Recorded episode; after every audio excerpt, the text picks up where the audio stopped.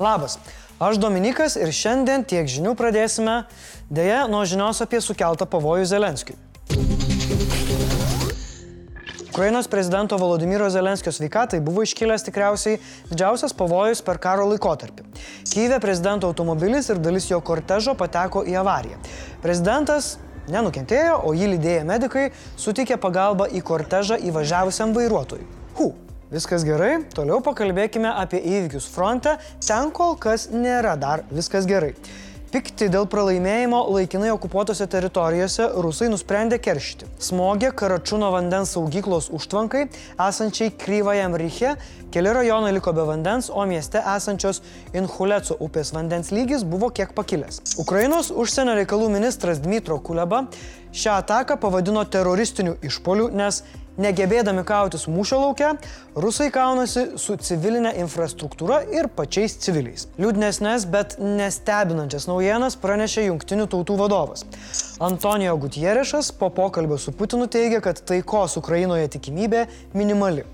Nieko, Ukrainai tai reikia daugiau ginklų ir amunicijos ir tą taiką jinai tikrai įsives pati. Varydami okupantus iš šalies, Ukrainos gynėjai išvaduoja ne tik teritoriją. Harkive, Kupenskė pasieniečiai išlaisvino 5, 15, 17 metų paauglius, kuriuos teroristai laikė uždarytus Rusija. Kaip paaiškėjo, keturios mergaitės ir berniukas uždaryti išbuvo septynias dienas. Pasak jų, kodėl rusai juos uždarė, yra neaišku.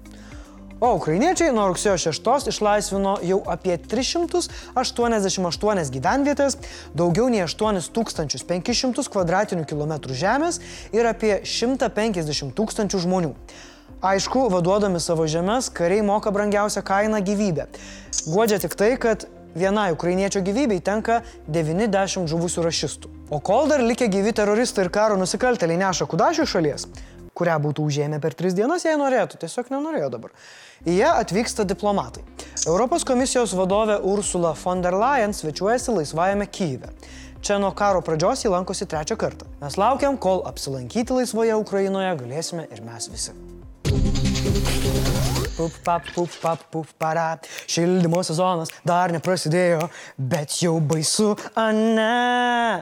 Nu, žinokit, man irgi baisu. Tačiau Lietuvos energetikos agentūros atstovai teigia, kad susitvarkysim. Šiuo metu regioną aptarnaujančios Latvijoje esančios Inčių kalnio saugyklos užpildymas siekia kiek daugiau nei 51 procentą. Tad dujų Baltijos regione turėtų užtekti, nes turime ir Klaipėdos suskistintų gamtinių dujų terminalą. Lietuvos prognozuojamas dujų suvartojimas yra 6,6 teravatvalandžių. Tiesa, čia be Achemos gamyklos. Kitų šalių besinaudojančių šiais energijos šaltiniais poreikiams reikės dar 20,7 teravatvalandžių. Tuo tarpu Inčių kalnio dabartinis užpildymas yra 12,3 teravatvalandės, o Klaipėdos SGD terminalo pajėgumai žiemą siekia 19,3 teravatvalandės. Tai mes dabar skaičiuojam, o vargelį. Žodžiu, jei viskas eisis pagal planą, energijos kaip ir užtenka. Jei dar ir estai su suomiais terminalą turės iš vis, hebrytė, easy. Savo ruoštų premjerė teigia, kad šis šildymo sezonas bus nebejotinai brangesnis, o kompensacijoms reikės 7 arba 800 milijonų eurų iš biudžeto yra dar vienas pasiūlymas palengventi naštą valstybei. Europos komisija Lietuvai siūlo susigražinti dalį pigiai elektrą gaminančių ir eksportuojančių šalių viršpelnių pagal dvišalę sutartis. Šimonytė teigia, kad jei toks sprendimas bus priimtas, pirmiausia, mums teks tarti su Švedija, iš kurios importuojame labai daug elektros.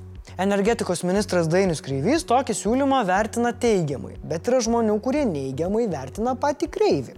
Tie žmonės yra opozicijoje ir jam rengia interpeliaciją. Pats Dainius teigia, kad į visus iškilusius klausimus gali atsakyti, premjerės palaikymą jaučia, o visuomenės pasitikėjimą pasitikrins per rinkimus.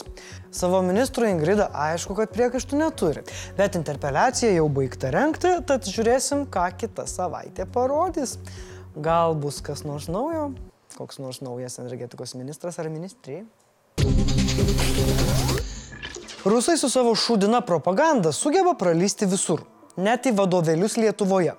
Čia aš kalbu apie tą triukšmą dėl rusų kalbos vadovėlio, kuriame fašistuojanti agresorė Rusija pateikiama kaip valstybė, kuria reikia didžiuotis. Dabar Lietuvos leidyklų laukia sunkus darbas. Švietimo mokslo ir sporto ministrė nurodė per dvi savaitės peržiūrėti visų leidžiamų vadovėlių turinį.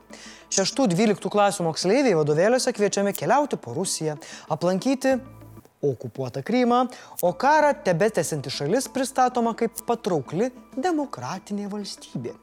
Netinkamas vadovėlis pavadinimu Vdobrai Put jau pašalintas iš apyvartos. Be to, išsiustas raštas mokykloms, jog šiuo vadovėliu naudotis toliau negalima. Net jei labai labai norisi. O pinigus už įsigytus vadovėlius leidikla šviesa gražins. Lietuvoje veikia sistema, kad vadovėlius kuria leidėjai. Jie samdo nepriklausomus recenzentus, todėl atsakomybė už knygų kokybę tenka leidybos įmonėms. Taigi, kalta kaip ir leidikla ir jos samdyti vadovėlio rašytojai. Įmonė atsakomybės nesikrato. Jie operatyviai pašalino vadovėlius iš knygynų lentynų, atlieka kitų vadovėlių peržiūrą ir sakosi daugiau nebeleisinti mokomosios literatūros rusų kalba. Vdrukkas. Tautinės mažumos nebus paliktos be mokslo, nes net išėmus vadovėlį. Yra 21 vadovėlis ir, ir tikrai yra kuo pakeisti. Be to, pasak ministrės, neplanuojama ir atsisakyti pačios rusų kalbos, nes svarbu suteikti pasirinkimą. Taip pat visos kalbos yra gražios. Sutinku. Kažkaip neskamba lietuviškai, kai karinis rusų laivas yra siunčiamas ant varpos. Kažkaip keista, ne? O ką jūs manot apie rusų kalbą? Gal reikėtų imtis to radikalaus žingsnio ir atsisakyti jos mokyklose? Parašykit komentarus. Tik lietuviškai, jeigu galima. Ačiū. Retai viešumoje matomas ir dažniau pasirenkantis neįtikėtinai ilgą stalą ar pribesdėtą bunkerį prie vartautojų globėjas Putinas atvyko į Uzbekistaną. Jis dalyvauja 22-ame Šanhajaus bendradarbiavimo organizacijos valstybių vadovų tarybos posėdyje. Jeigu čia būtų animacinis filmukas, tai aš jaučiu, kad blogiečiai rinktųsi kokio nors kaukolės formos oloje, negyvenamoje saloje. Tačiau dabar visų akis labiausiai krypo į Putino ir Xi Jinpingo susitikimą, o sėdėjo jie vienas priešais kitą. Šį kartą ne prie begalinio ilgo stalo, o prie dviejų ilgų puslankio formos stalų. Man atrodo, kad ne vienas nebijo pasikesinimo, nes čia susitiko abiejų antrininkai. Iš abiejų pusių prezidentus supo jų delegacijos, arba kitaip tariant, delegacijomis persirengė apsauginiai. Volodė ir Si buvo be ne vieninteliai iš salėje esančių žmonių, kurie nedėvėjo apsauginių veido kaukių.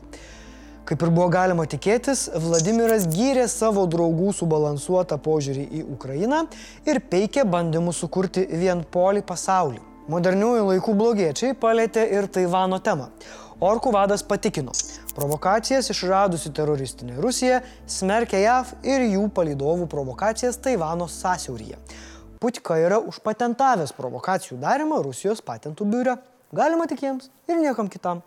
O Pekinas patikino, kad nori bendradarbiauti su Maskva kaip su didžiaja gale. Gali būti, kad Pekinas dar nematė, kaip ta didžioji gale bėga nuo ukrainiečių.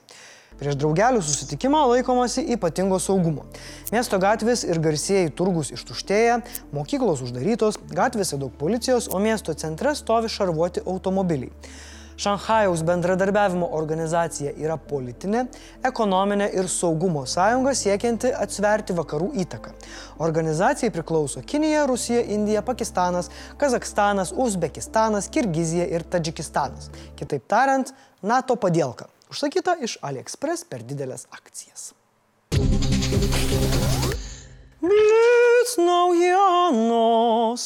Vilniuje sprogdinant pamatus nacionalinio stadiono statybvietėje, nenustatytas kiekis betono gabalėlių galėjo išskrieti už teritorijos ribų. Anot tyrimą atliekančių specialistų, skeveldrų sklaida buvo platesnė nei įprastai. Prie Armenijos ir Azerbaidžiano sienos laikomasi ugnies nutraukimo, paskelbė Jerevanas. Ugnis nutraukta dėl tarptautinio įsitraukimo. Didžiausi nuo 2020 m. karo dėl Kalnų Karabacho regiono įvykę susirėmimai pakenkė neseniai pradėtam taikos procesui. Tūkstančiai žmonių per naktį laukia eilėse, kad galėtų atiduoti paskutinę pagarbą karalieniai Elžbietai II. Daugelis pamatę Londone gulinti jos karstą sunkiai tramdė ašaras. Ketvirtadienis pirmoji pilna diena, kai karstas guli Westminsterio salėje. JAV Senato komitetas žengė pirmą žingsnį, kad JAV tiesiogiai suteiktų milijardus dolerių karinės pagalbos Taivanui ir užmėgstų oficialesnius ryšius. Numatytos ir sankcijos Kinijai, jei ji panaudotų jėgą bandydama užimti salą.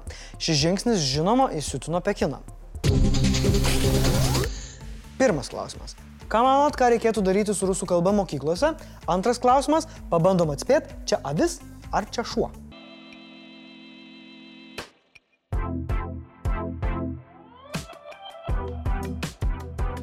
Ir prieš atsisveikinant laikas jūsų vakarykštiems komentarams. Jack the Rocky tarmiškai klausia, kur dingo jo komentaras. Jackai, niekur nedingsta. Va. O? Nesupratau, kur dingo. Paulius Jankauskas parašė, kad per Timūro laidą per daug laikų buvo pridėta, todėl jis dislike paspaudė. Pauliau, tau baudą išrašysiu. Dabar turi padėti bent 3 laikus ant tiek žinių video. Ža, įveiksi? Ką, šiandien tiek žinių? Iki.